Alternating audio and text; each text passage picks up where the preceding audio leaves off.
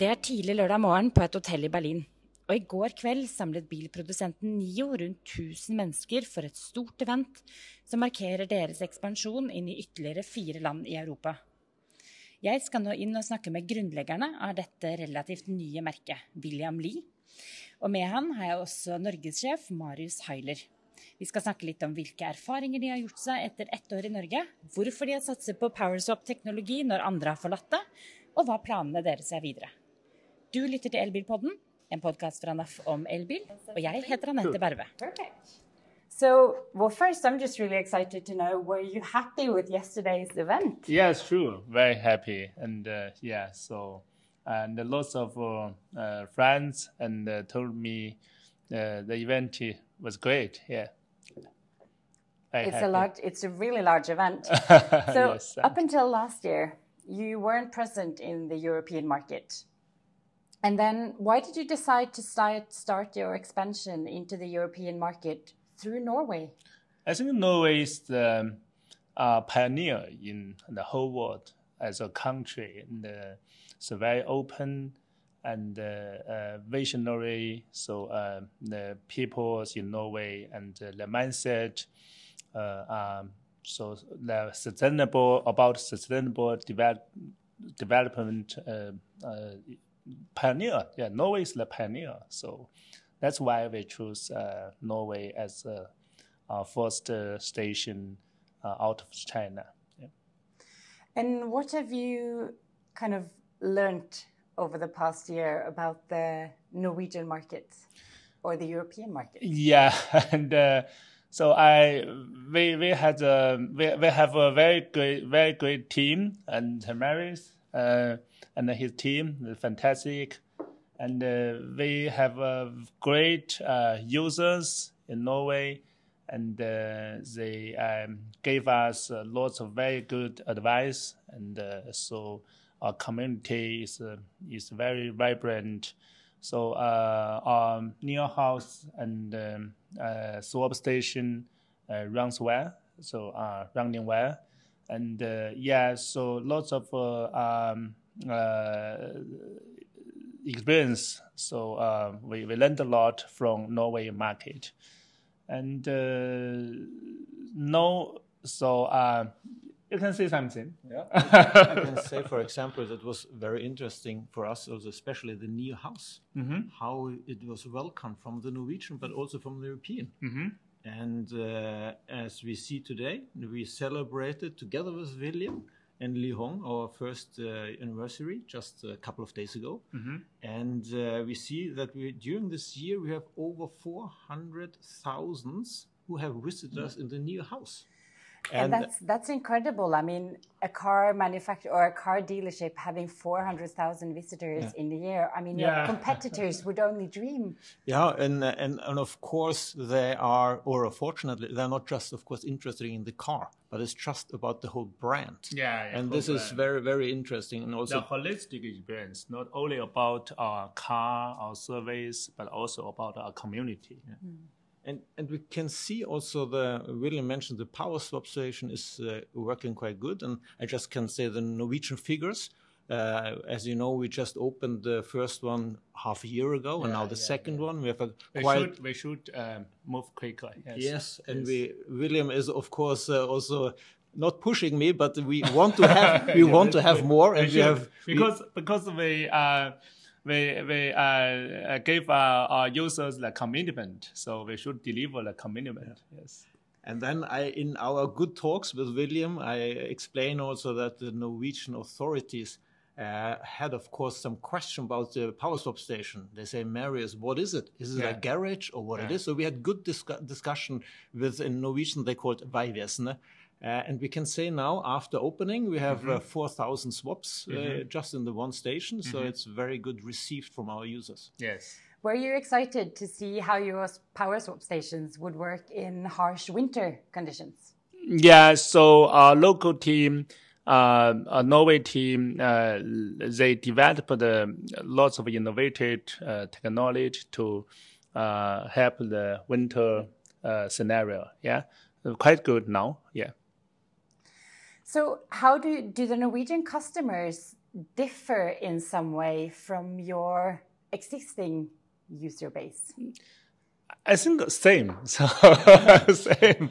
Not not so not not so uh, not not different. I think uh, people all around the world they they prefer better products, better experiences, and um, and uh, um, so I think same. Yes. Mm. I did find it very yes, interesting yesterday listening to you and all of your colleagues talk about your users and not specifically your customers. And that's kind of that's a word that you use uh, very specifically, it seems. Why has it been important for you and your brand to to talk about your customers as users? I think users it means uh, a long relationship uh, customer sometimes you just uh, okay you, you you buy my car and then bye bye. So that so that's different different mindset. So if a user you should um, be uh, responsible for uh, for for his long term usage. So a long term relationship not uh, just buy and sell relationship and you, it seems like you include your users quite a lot in developing your and further developing software, uh, as well as how the car develops.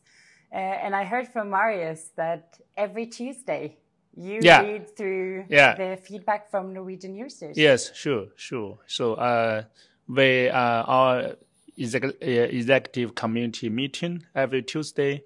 We will spend uh, half an hour uh, we, we spend uh, half an hour to um, to uh, look to uh, discuss the feedback from Norway users and uh, yes. So yeah, what kind of uh, feedback have you actually then? Can you give give us some examples of what kind of feedback you acted upon? I can say we have.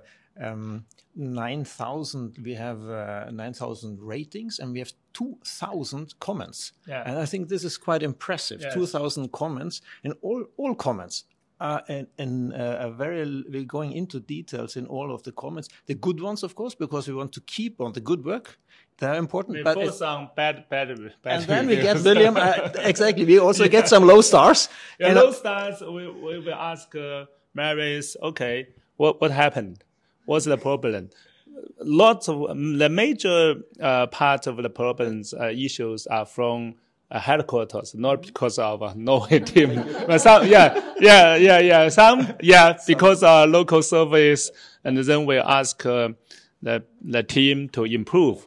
And not every issue can solved immediately. You know, car is a is a is a is a is a um, lots of things, and uh, but we have a plan. Yes.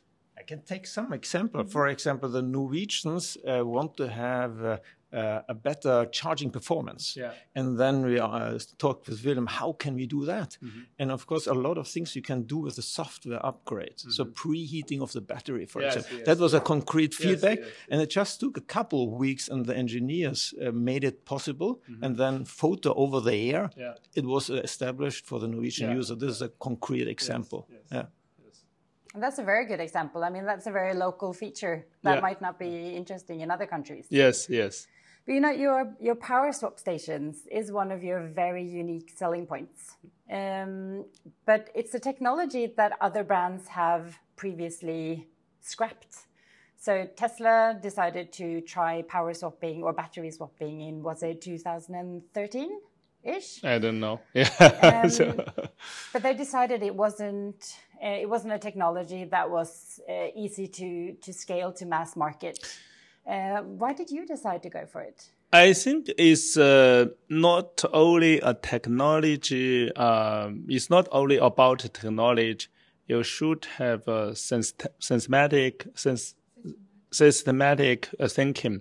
So our solution is uh, chargeable, swappable, and upgradable.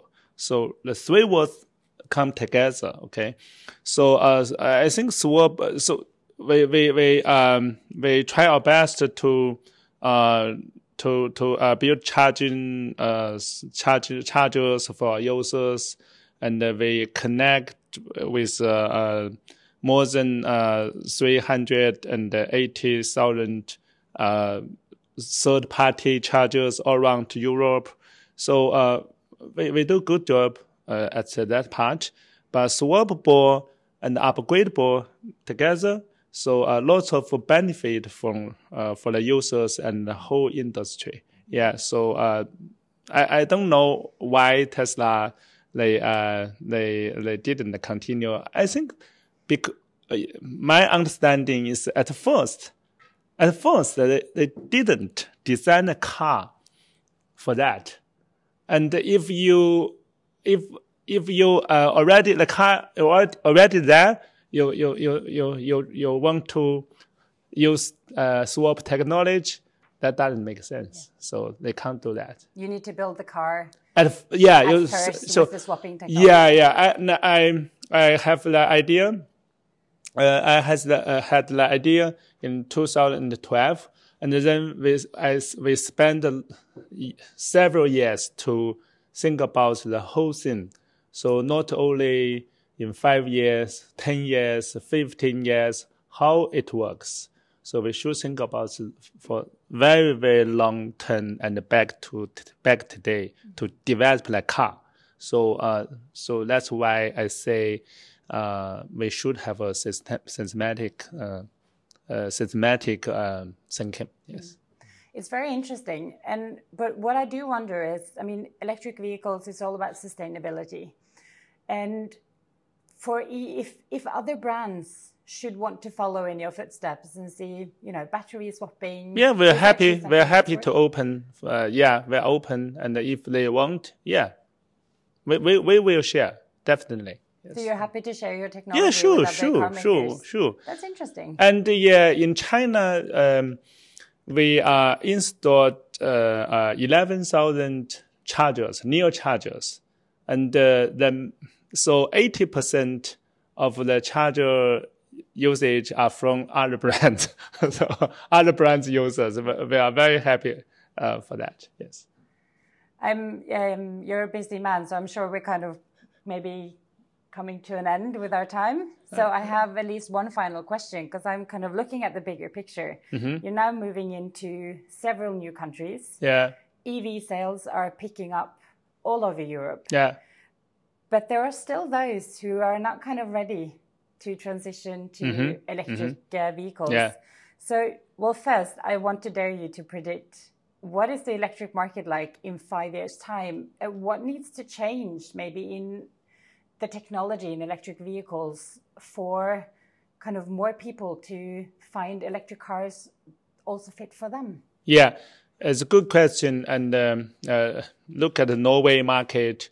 Uh, four uh, years ago, the, we signed a contract, a strategic contract with the Norway uh, EV uh, Association, and in Beijing when the King of Norway visited China. At that time, the penetration of EV in new new car sales is almost 20 to 30 percent, and now almost 80 percent just in four years.